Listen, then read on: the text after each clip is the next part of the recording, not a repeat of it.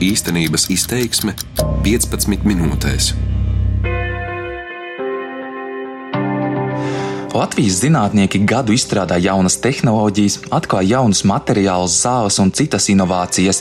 Lai tās nepaliktu tikai institūta telpās, ir nepieciešama zinātnes pārnese uz biznesu. Komercializācija ne tikai motivē zinātniekus strādāt, jo tie redz, ka viņu veikums uzlabo cilvēku dzīves, bet ļauj arī papildināt universitāšu budžetu, kas pie šā brīža Latvijas finansējuma zinātnē ir ļoti svarīgs faktors. Par starpnieku starp zinātniekiem un biznesu Latvijā ir kļuvusi Latvijas Investīciju un attīstības aģentūra. Ar viņu palīdzību un kopā vairāk nekā 40 miljoniem eiro turpmākajos gados zinātnes pārnesei ir jāuzlabojas un ar vien vairāk atklājumiem jānonāk reālā tirgū. Mani sauc Rudolfs Krieviņš, un es centīšos saprast, kāda Latvijā ir situācija ar zinātnes komercializāciju.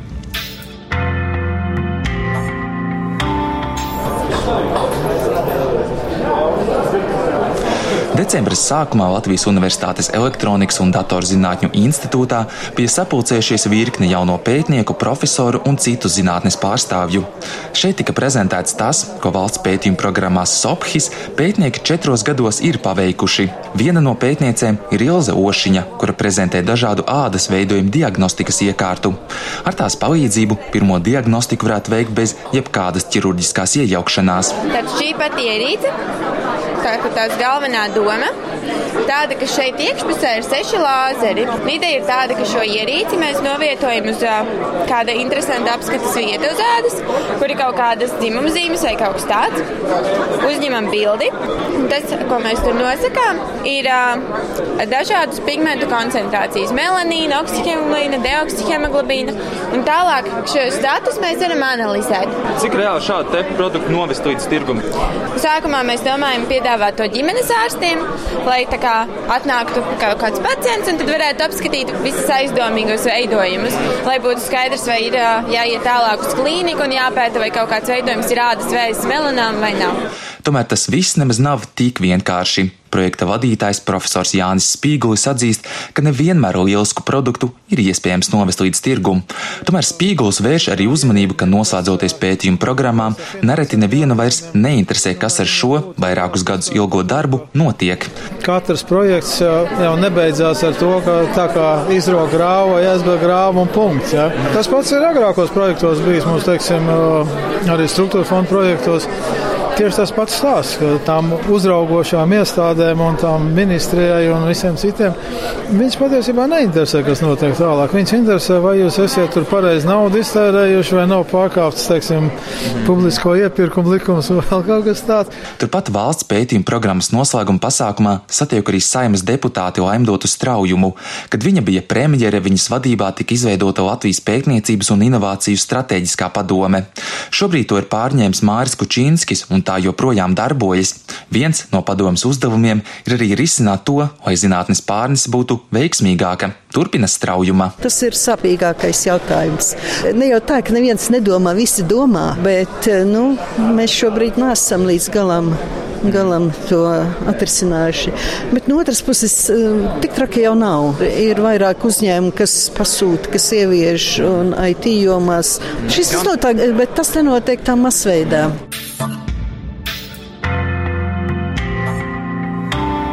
Latvijas Investīciju un attīstības aģentūra ir tā, kura šobrīd ir deliģēta atbalstīt zinātnes pārnesi uz biznesu. Viņi ir arī tie, kuri pārvalda kopā vairāk nekā 40 miljonus eiro, kuri paredzēto, veiksmīgāk tas viss notiktu. Lielāko daļu summas, protams, finansē Eiropa. No Latvijas budžeta turpmākajiem gadiem tam ir atvēlēti 6 miljoni eiro. Nauda projektiem ir jāpiešķir līdz 2020. gadam, bet zinātniekiem savi veikumi jākomercializē līdz 2022. Investīciju un attīstības aģentūras tehnoloģiju departamenta direktors Edgars Babris stāsta, ka šajā summā ir ietvertas daudz vairāk sistēmas uzlabojošas darbības, ne tikai zinātnes pārnese. Piemēram, uzņēmējiem mēs sniedzam voucheru eh, programmas ietvaros atbalstu no šī paša līdzfinansējuma. Mēs veicam dažādus pasākumus, lai mēs eh, promotētu tehnoloģiju pārnesi, lai mēs apmācītu zinātniekus, lai mēs veiktu dažādas ekspertīzes, dažādas pasākumus, kur šī komercializācija jau varētu notikt. Tomēr Babris vērš uzmanību uz to, ka nevienmēr prototyps nozīmēs to, ka šis produkts būs nepieciešams kādam uzņēmējam. Tādēļ tiek izvērtēts, kurš no zinātnes sasniegumiem ir ar tirgus potenciālu un tikai šis uzņēmums var pretendēt uz šo pārneses finansējumu, kas var sasniegt pat 300 tūkstošus eiro. Var izdomāt dažādas lietas, izprototipēt, novest jau līdz tādai stadijai, kad viņi it kā būtu gatavi, bet uh, mēdz būt situācijas, kad privātais sektors, uzņēmēji, patērētāji pasaka, ka šī lieta mums nav vajadzīga. Tad mēs strādājam ar tiem zinātniekiem, ar tiem projektiem, kuriem šis eh, cerību līmenis ir augsts. Babris arī stāsta, ka atklājums ar vislielāko potenciālu kļūt komerciāliem palīdz atrast arī tehnoloģiju skauti. Tas notiek tieši tāpat kā sportā, kur šādi cilvēki meklē potenciāli labākos sportistus. Turpina Babris. Viņi nodrošinātu tādu tiltu funkciju starp eh, zinātnu un privāto sektoru. Tie ir reāli cilvēki, kas ikdienā strādā ar zinātniekiem, atrodas laboratorijās, meklē, kur vēl ir tās idejas, kur varbūt pats zinātnieks nevienmēr ir pamanījis, ka to varētu attīstīt un ka tā būtu interesanta, lai uzņēmēji sāktu par to interesēties. Mm. Tieši tāpat skauts darbojas arī pretēji. Viņš meklē uzņēmējus, kuriem ir interese savas tehnoloģijas mainīt, pielietot kaut ko jaunu un inovatīvu.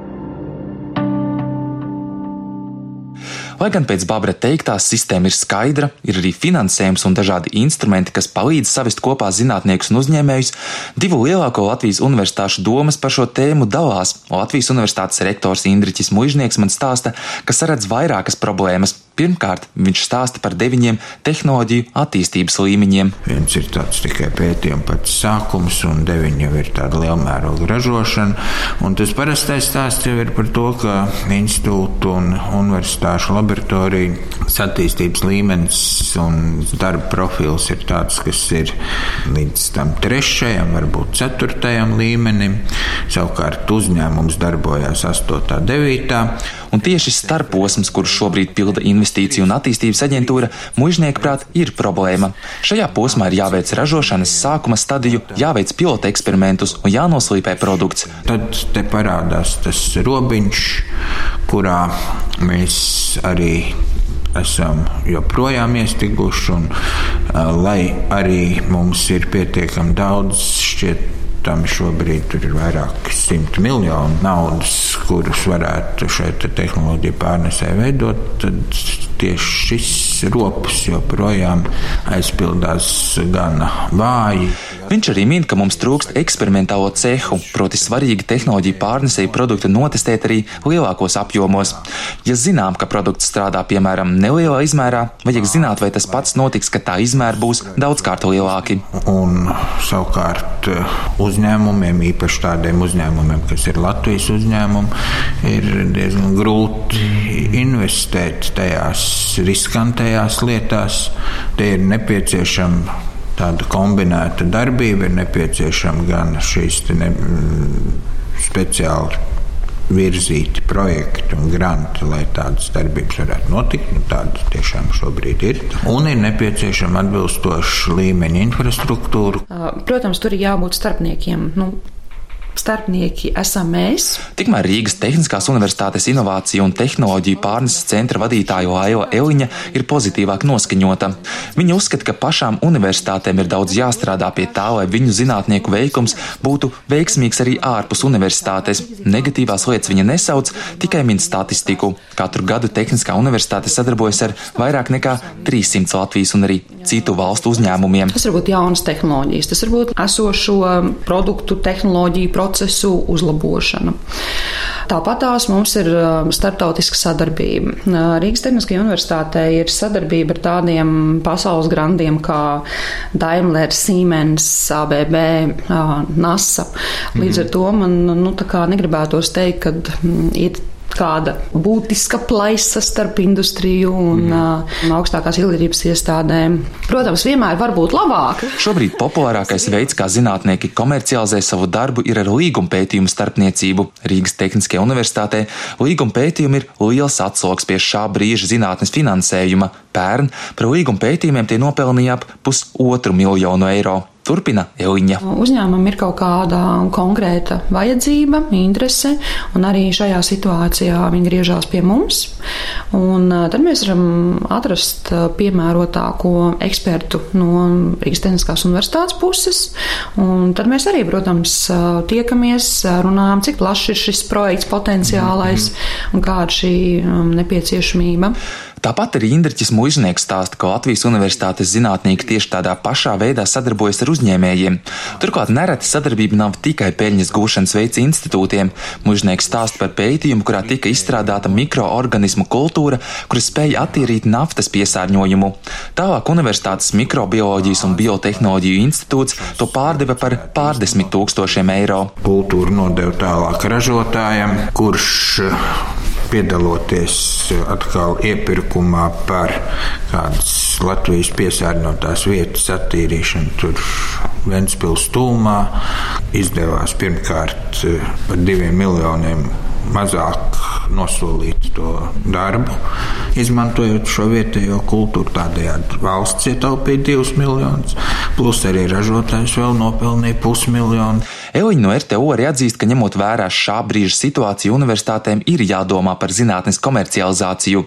Mums finansējums neļauj tikai pētīt un nedomāt par komerciāliem projektiem, kā tas ir citās Eiropas augstskolās. Vienkārši viņiem ir, ir vienkārši ļoti liels valsts atbalsts, ārkārtīgi liels finansējums, un būtībā nu, viņi darbojās pēc principa, nu, labi, ja tur kaut kāds ir kaut kāda atgriezeniskā saite, vai pēkšņi tā īsti neplānoti ir kaut kādi ieņēmumi. Nu, ļoti labi, bet viņiem tas absolūti nav kā mērķis, jo viņiem par to nav jādomā. Bet mums ir vairāk ir tā, nu, teiksim, tā nosacīta spiesta lieta, ka mums tomēr ir jādomā par papildus ieņēmumiem, jo mums um, finansējums zinātnē ir tāds, diemžēl, tāds, kāds viņš ir. Tikmēr Babris stāsta, ka finansējums un pieteikums zinātnes komercializācijai jebkurā gadījumā vēl negarantēs, ka finansējums tiks saņemts. Iegūt finansiālu atbalstu zinātnes pārnesē nemaz nav tik vienkārši. Ir divas fāzes. Pirmajā ir jāpierāda, ka izstrādātais produkts būs komerciāli derīgs un tiešām tirgū spēs atrast savu vietu, stāsta Babris. Mēs atlasām apmēram kādus 40% no iesniegtajiem projektiem, un tad mēs sniedzam atbalstu viņiem, bet sniedzam tikai pirmajam posmam atbalstu,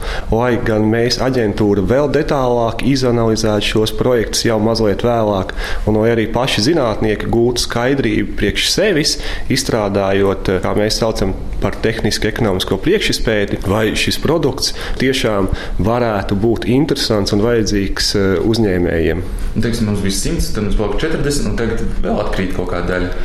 Jā, apmēram šī proporcija varētu būt tāda, un pēc tam, pēc pusgada, mēs atlasīsim vēl no šiem 40 projektiem, piemēram, vēl tikai kādus desmit, kas jau būs ar daudz lielāku ticamību, ka viņi varētu būt uh, ieviešami ražošanā. Tas nozīmē, ka visus atklājumus nemaz nav iespējams pārnest, un iespējams, ka tas nemaz nav vajadzīgs vajadzīgs, un pat ja no šiem desmit, kuri tiks izvēlēti, arī nonāks tirgos, veiksmīgi visi var arī nebūt. Tomēr citu valstu statistika rāda, ja veiksmīgi kļūst viens vai divi no desmit projektiem, tad ilgākā periodā atpelna tos ieguldījumus, kuri tajos veikti.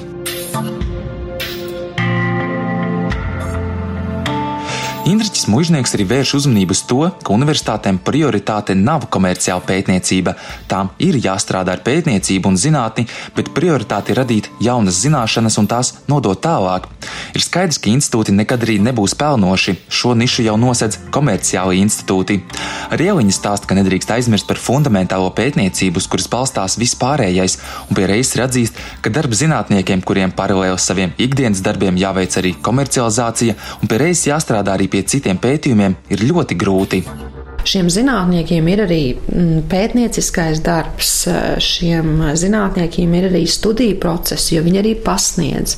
Viņi strādā ar studentiem, lai viņi uzturētu savu pētniecisko kvalitāti. Viņiem ir jāraksta publikācijas, kas ir ārkārtīgi smags un sarežģīts darbs. Jāpiedalās konferencēs, jārealizē projekti, un plus vēl visam šim tā tad ir šī komercializācijas un tehnoloģija pārneses sadaļa. Iespējams, zinātniekiem komercializēt savas idejas ir, turklāt tām pieteikties iespējams arī šobrīd. Katram zinātniekam, protams, šķiet, ka viņu veikums ir izcils, bet ir atšķirība - izcils kā zinātnes darbs vai spējīgs komercializēties un pelnīt. Tādēļ no daudzajiem Latvijas zinātnieku darbiem jāatlasa spējīgākie, jo, lai gan nauda komercializācija ir, būtu neliederīgi izmantot atklājumiem, kuri nav ar lielu potenciālu ieiet tirgos. Universitāšu uzdevums nav zinātnes komercializācija. Katra universitāte var pati izvēlēties, mēģināt to darīt vai atklājumus krāt institūta noliktavās, un arī par otro neviens tiem nepārmetīs. Bet ir skaidrs, ka ilgtermiņā ieguvējs būs tās universitātes, kas mērķiecīgi ies uz arvien biežāku zinātnes komercializāciju. Šo raidījumu veidoja Rudolfs Krieviņš, par skaņu rūpējās Renārs Šteimanis.